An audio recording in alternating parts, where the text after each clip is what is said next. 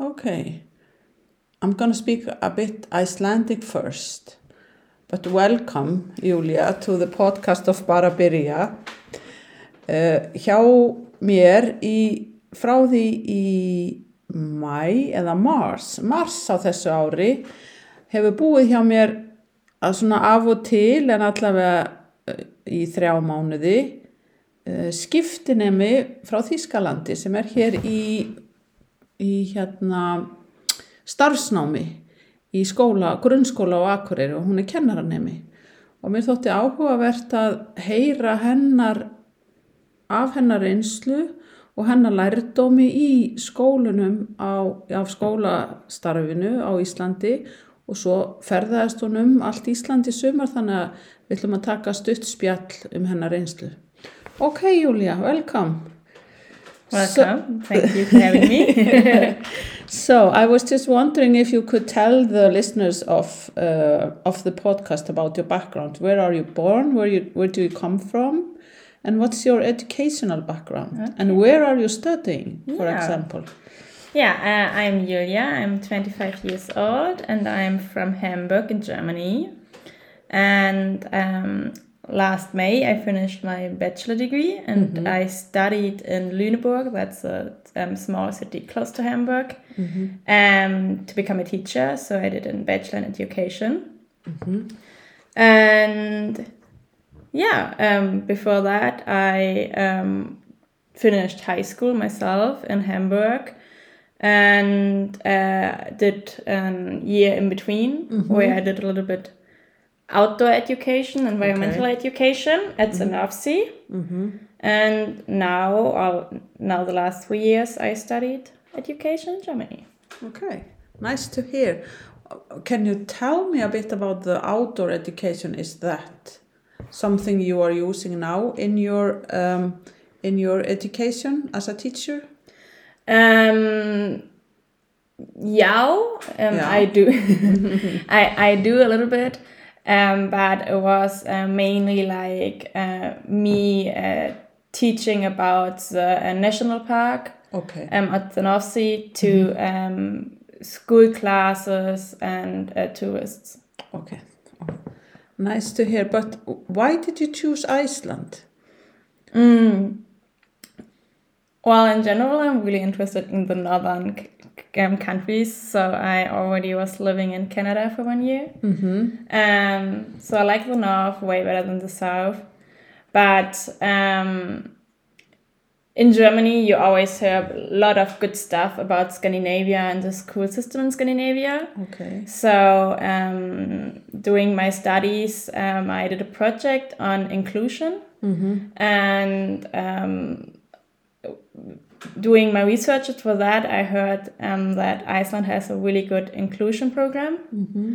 So, when I decided to go abroad, I, I was looking to countries where I could learn something from and where I would like to learn more about. So, um, that was actually one main reason to come to Iceland to see how you do inclusion in school. Okay. So have it fulfilled your expectations? Or how is it different? We, s- we should start with that. How is it different? Um, The inclusion part.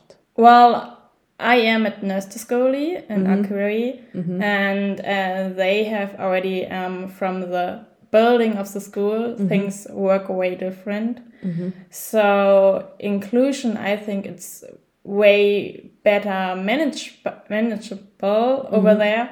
Um, because of the room. Like in Germany, we always have like a very set classroom, all the schools I know, Mm-hmm. Mm-hmm. for at least, with like four walls, and you have no really space Mm-hmm. to separate kids a little bit. And I feel like that's something you need to do good inclusion because um, every child sometimes need a little bit space for themselves Mm-hmm. and especially if you um, put kids into the class who may need a little bit more attention than others um, it's good to give the kids more room Mm-hmm. so i think that's for example a big difference um, just on how you see on it Mm-hmm. but also um, does iceland or at least the school i know uh, has more teachers, which makes things easier. Mm-hmm. By us, it's um, very common that's just one teacher in class. Yeah, in Germany. Yeah. So we have smaller classes here. Here, Yeah. um, you do you don't have smaller classes, No. but you have more teachers Yeah, for each the class, si- yeah. in each class. Yeah. And um, by us, as I try to do um, inclusion, but if you are just one teacher in class, it's not gonna work out. If you have some kids who just need a little bit more attention, and um, yeah, Oh. over here you always have like um, two or three or even four adults in one class, and that way you can um, act differently Mm-hmm. and um, it's it's easier to um, um, yeah be patient to all kids Mm-hmm. even so one is like um, acting a little Mm-hmm. bit um, or just running away something like that Mm-hmm. um, you always have a person who can cover that Mm-hmm. Okay. So, um, so you've been doing something more than just being at the school, learning at the school. To be in the, you have been around in Iceland. yeah Yeah, you have. I I think driven, driven twice around. Yes. at least. twice around and uh, twice into the west fjord Yes, and of all that course. with a tiny little car Yeah. so how was that experience? You you used all summer for that, yes didn't you? Yes, I did. Um, it was great. It was uh, really challenging, to be Mm-hmm. honest. I never traveled by myself before. Mm-hmm. And coming by myself to Iceland, it was a different thing than leaving like the school days and you have like a set Mm-hmm. what you have to do every day and um, by like leaving Akureyri to um, take on traveling um, I actually really had to get into it a little bit because at the beginning, you uh, I was a little bit overwhelmed with me having the option to decide everything, but at the same time, I have to decide everything.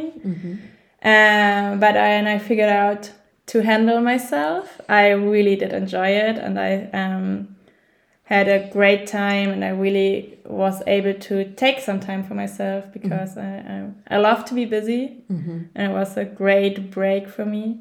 And uh, Iceland is just so easy to travel, so Mm. Well, it's Mm-hmm. nice to hear that it's easy to travel. So, did you learn anything uh, on your trips? Did you learn anything new in general by your stay? Let's stick to that. By your stay in general. Well, first of all, don't panic. It, there will always be a conclusion. Yeah. Um, so the first thing I learned from Icelandic people, there's no stress. No. Don't make stress out of it. There is no stress. And I really like that. And I really hope I can stick to that when I'm going back. Mm-hmm. Um, that's for sure something I learned. And um, then I learned probably more to not plan ahead so much because, well, I think for you guys it's m- often the weather, weather who decides. But I think in general it's a good habit to be more flexible and uh, spontaneous. Mm-hmm. And um, yeah, I just challenged myself again Yeah, Every- all the hikes. yeah, I hiked a lot. Yeah. I challenged on that, but also like stepping out, meeting new people every time you go somewhere, um, calling the insurance for my car, for example. No, not knowing if the other person is gonna understood me because Mm-hmm. not everybody has to speak English, and my Icelandic is peen a little. Yeah. I was just gonna ask you. did you learn any Icelandic? Um, yeah, I did. I uh, took two classes. I Mm-hmm. took one class in the West Fjords. Ísafjörður, tell Yeah. them. Uh, I took one class at the University Center um, in Isafjordur, Mm-hmm. and I really can recommend it to everybody. Mm-hmm. Uh, it was great. And I'm taking, it was like a one week crash Mm-hmm. um, class, and I'm taking another class in aquary twice a week. And I do understand more and more, but uh, I have a really tough time with pronunciation pronunciation in I- um, in Icelandic. So, um, but I get along and I get along at school, and uh, I know like the keywords at school. So even the kids who don't speak English as well get what I want. So that's good. Mm-hmm. So, how has it been with your teaching or your practicing teaching since you don't speak Icelandic? What ha- how have you yeah, how have you organized that with your co-teachers? Yeah. Um, well, I I started uh, my um, internship before the summer holidays, and at that time I was mainly being like a little bit outside, not active teaching, and um, just uh, watched what's happening. Mm-hmm. Um, that was important, I think, to like get to know some of the Icelandic keywords, which like the subjects are, and so on. And there I learned a lot of body language and how to act with kids, I think. Mm-hmm. And um, now I'm uh, mainly in one one class, and um, most of the kids actually are able to speak English, Yeah. Mm-hmm. and they really enjoy speaking English. Um, so lots of them speak English with me, um, but I am actually teaching them in English. yes. So I um, take over English classes twice or three times a week. Mm-hmm. Um, that works really well, and I, I do it. I prepare it by myself, and um, yeah, be fully responsible for that. Mm-hmm. And over that, um, I often ha- will be active helping in uh, math. Mm-hmm. That works out, and for math, you you don't need the language. No, not That's it's really nice to see uh, how you can do that with uh, just a pen and a paper, Mm-hmm. and be a help also. And in Icelandic, for example, it's not that I can active help, but some kids are having a way better work session if just somebody is sitting next to them and paid atten- attention to them. So it's just a little bit extra help I can give over there and a little bit more attention for some kids who may would not get it that way. yeah, I know, I know. Yeah. Yeah. Okay. So we have. Do you ha- have you have? Yeah. But how will you use your experience in the in the next few, in your future? Have you have you had time to figure that out? Um yeah, Uh, Yeah. yeah. I think so. Um well when I go back, I I'm not gonna be a teacher right away. I have to go back to school and uh, study for two more years. Yeah. So- you have your masters. on- Yes. Mm-hmm. Yes. um, I'm gonna do my masters. So I will not be able to like use it in school right away. Um, but I think I I have learned a lot of how school also could look like, Mm-hmm. and I can take that further on, and I can in, um, use that already in like my discussion at university. Mm-hmm. Like I'm I'm gonna do s- different projects, so I may could do something about that also. Write an essay about how I feel like we should learn from Iceland or Uh, Mm-hmm. even learn from each other Yes. in Germany. Um, but in general, like if you look further up, I would like to uh, not just be a teacher. I would like to teach at university or uh, be like a principal or something like this. Mm-hmm. And um, then I would have the um, option to change a little bit more about the school system Mm-hmm. and I would like to open up the um, German system a little bit more. Mm-hmm. Um, but that's a long way. Yes. So, I think we're. Is there anything else you would like to add to the to our discussion or little interview? Um, So what's next? Just what's next? Yeah. Yeah, yeah. how I just said, I'm, you're you're. I'm leaving next week. uh, yeah, It's- Uh, It's yes. Mm-hmm. quite soon, and I will start my master right away. And actually, I um, doing my master. I will be at s- one school for um, five months, Mm-hmm. Okay. Mm-hmm. four days a week.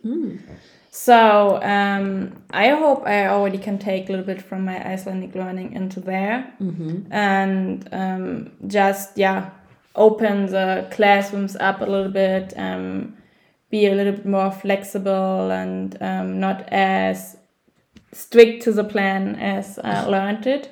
But um, this, like Iceland, was my longest experience at school so far. Okay. So I think I will figure out in Germany really how I can use what I learned in Iceland. Yeah, mhm, you will find out then. Yeah. Okay. Anything you would like to add or comment on? Um, I think you guys do a good job with schools. Oh, thank you. It's uh, for sure not everything is perfect, and there are still No. still some things uh, which should go a different way, may. But um, all all in general, I, I like um, how the teachers are here, and it's, I feel like it's more uh, teachers are more co- like not as um, yeah not as strict and also like more calm and it's not as stressful in Yeah. school and i like that yeah Okay, thank you. you're welcome And thank you and welcome back to our Icelandic educational system.